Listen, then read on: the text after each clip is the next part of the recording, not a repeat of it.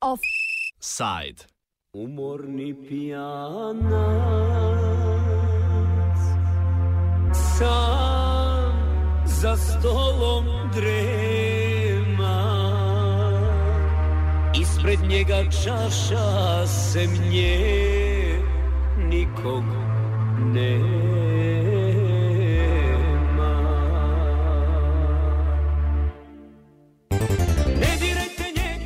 Bosanska Dodi Kebana.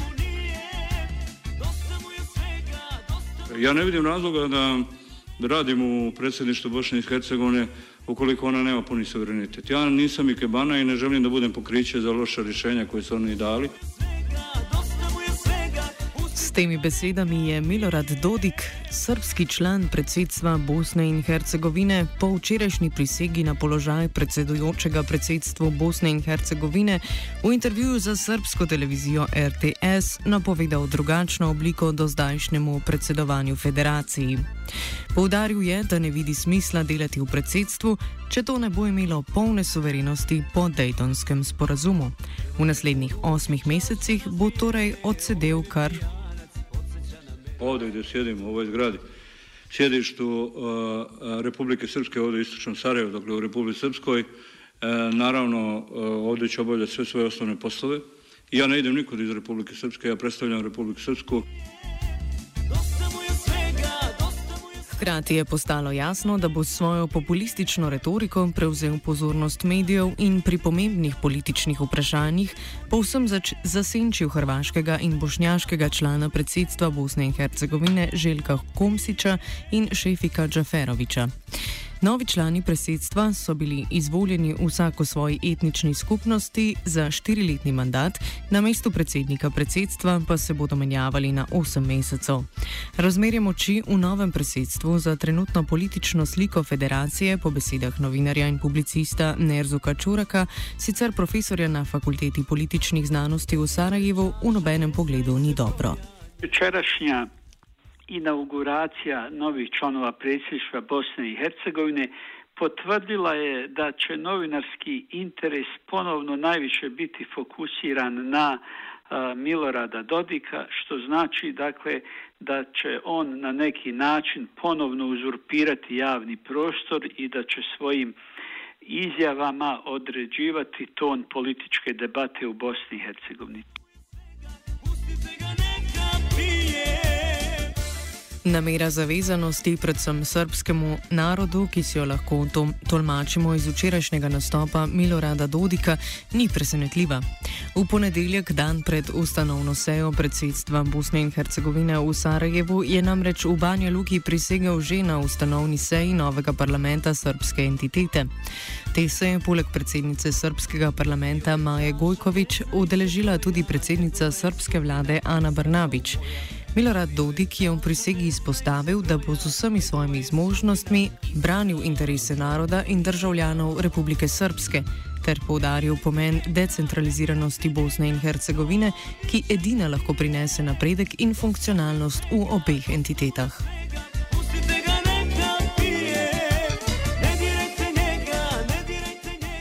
V izjavi za srpsko televizijo RTS je Dodik poudaril še željo po odpoklicu visokega predstavnika OZN Valentina Inska ter novem imenovanju treh tujih sodnikov Ustavnega sodišča Bosne in Hercegovine. To je kar nekam nenavadno ob dejstvu, da se je Dodik skupaj s preostalima članoma predsedstva Bosne in Hercegovine v torek zavezal, da bo pri svojem delu spoštoval Ustavo Bosne in Hercegovine ter določbe Daytonskega mirovnega sporazuma z vsemi njegovimi aneksi. Deveti aneks mirovne pogodbe predvideva institucijo visokega predstavnika OZN, ki ima vpliv na izvajanje civilnih delov mirovnega sporazuma. Četrti aneks pa predvideva imenovanje treh od devetih sodnikov Ustavnega sodišča Bosne in Hercegovine strani Evropskega sodišča za človekove pravice v Strasburu.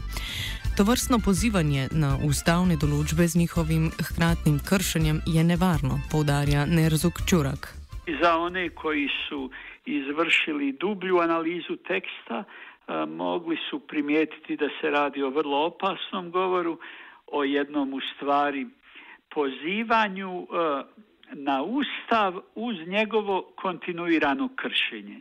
U stvari vidi se da je poziv za ispunjenje dejtonskog kapaciteta sračunat na to da se političkim lukavstvom Dodik predstavi kao veliki zagovornik Dejtona i Ustava, a on u stvari kontinuirano negira i Dejtonski sporazum i aneks četvrtog Ustava.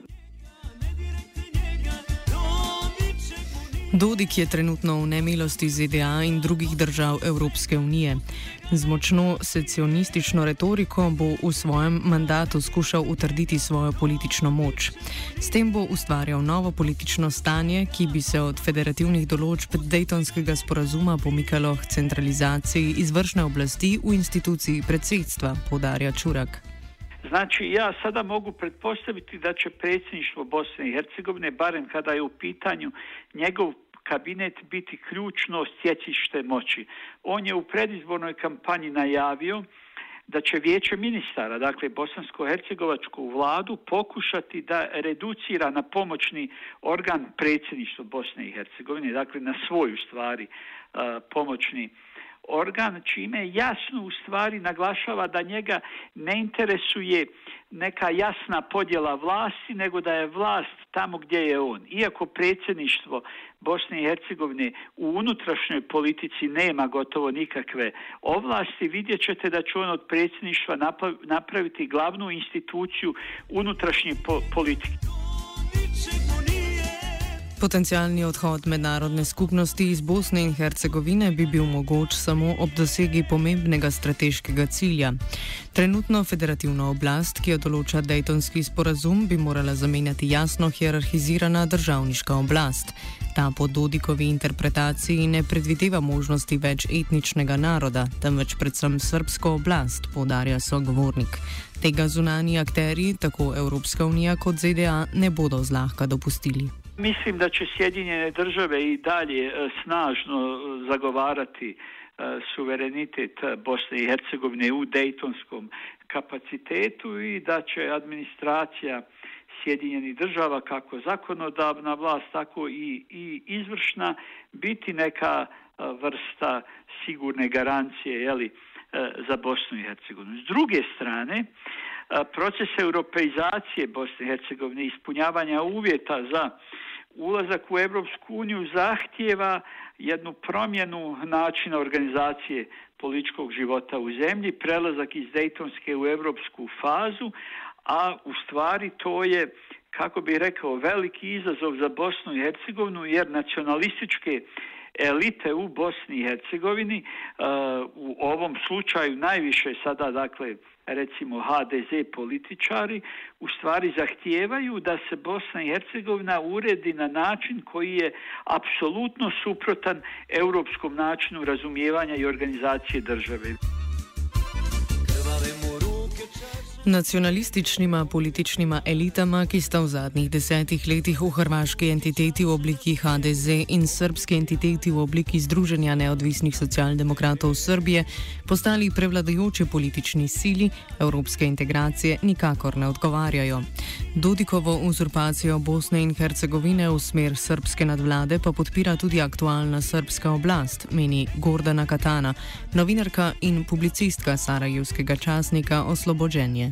Ovdje u Republici Srpska mislim da u većini političkog korpusa postoji ta nekakav jeli, nedosanjani san o velikoj Srbiji, odnosno RS-u kao dijelu neke velike Srbije, e, koji jednostavno mislim da se u ovoj konstelaciji političkih snaga u regionu ne bi moglo stvariti, a da one ne dovedu do još jednog novog ratnog sukoba. Uh, Što se pak Hrvata tiče njima i oni se onako ovdje ponašaju kao da im je Bosna i Hercegovina samo rezervna domovina, a zapravo Hrvatska istinska domovina i to njihovo lice, zalaganje za jeli, neki treći entitet eh, u kojem bi hrvatski narod bio većina, doista samo licimjerno. Naime, oni pri tom uopšte ne govore o dijelovima Bosne i Hercegovine koji su sada u sastavu entiteta Republika Srpska u kojem su Hrvati bili dominantno stanovništvo do izbijanja rata, Dakle, sve se svodi na neka tri kantona gdje oni imaju tu većinu i gdje bi oni htjeli zapravo uh, E, da imaju tu nacionalnu dominaciju, da na osnovu nje jeli ovaj, vuku neka sva dodatna prava. Međutim, zato bi trebalo prije svega promijeniti Washingtonski sporazum, odnosno ustavno uređenje federacije, pa tek potom mijenjati ustav Bosne i Milorad Dodik se sicer zaveda, da se v trenutni ureditvi Bosne in Hercegovine političnih odločitev ne da sprejemati brez podpore parlamentov drugih dveh narodnih skupnosti. Zato je v svojem nagovoru povdaril tudi, da bo vsako morebitno približevanje evropskim integracijam v srpski narodni skupščini jasno in odločno blokirano, povdarja Katana. A s druge strane, ono što gospodin Dodik svjesno prenebjegava kada govori o svemu tome jeste i činjenica da se u Bosni i Hercegovini ni jedna odluka ne može donijeti bez konsenzusa, znači predstavnika sva tri konstitutivna naroda.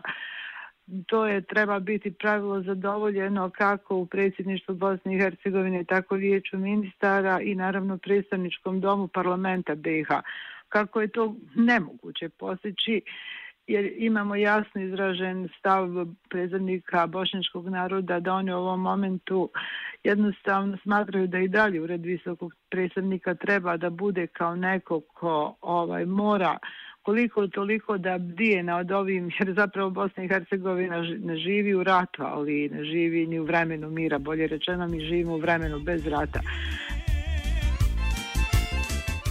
Temu primerno bo Dodik v svojem osemmesečnem mandatu poskušal izvesti tudi ilustracijo tistih srpskih ter uradnikov drugih narodnih skupnosti, ki jih bo lahko.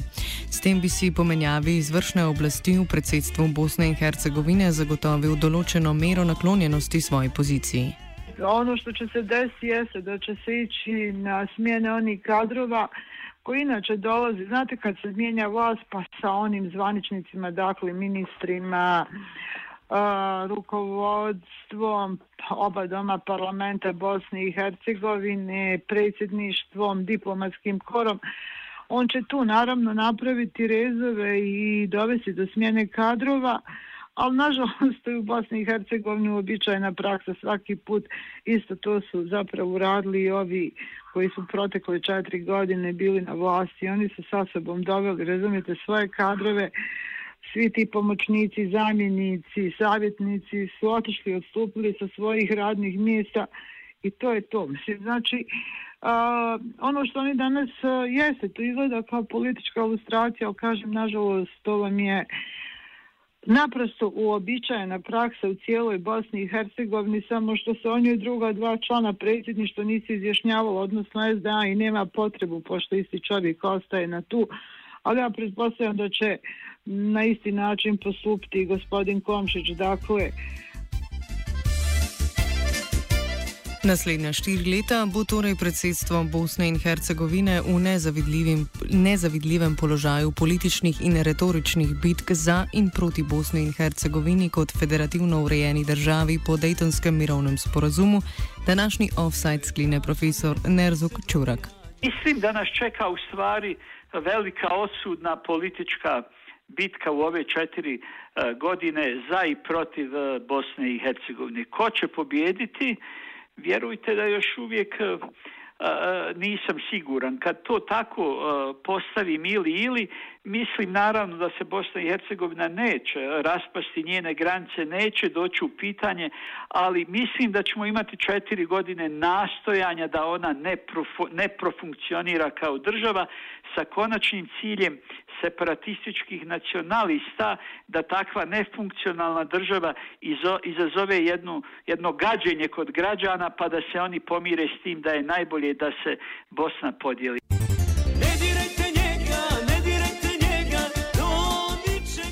Dodik nije ikebana, Dodik jest srpski krst, zaključuje Dugi.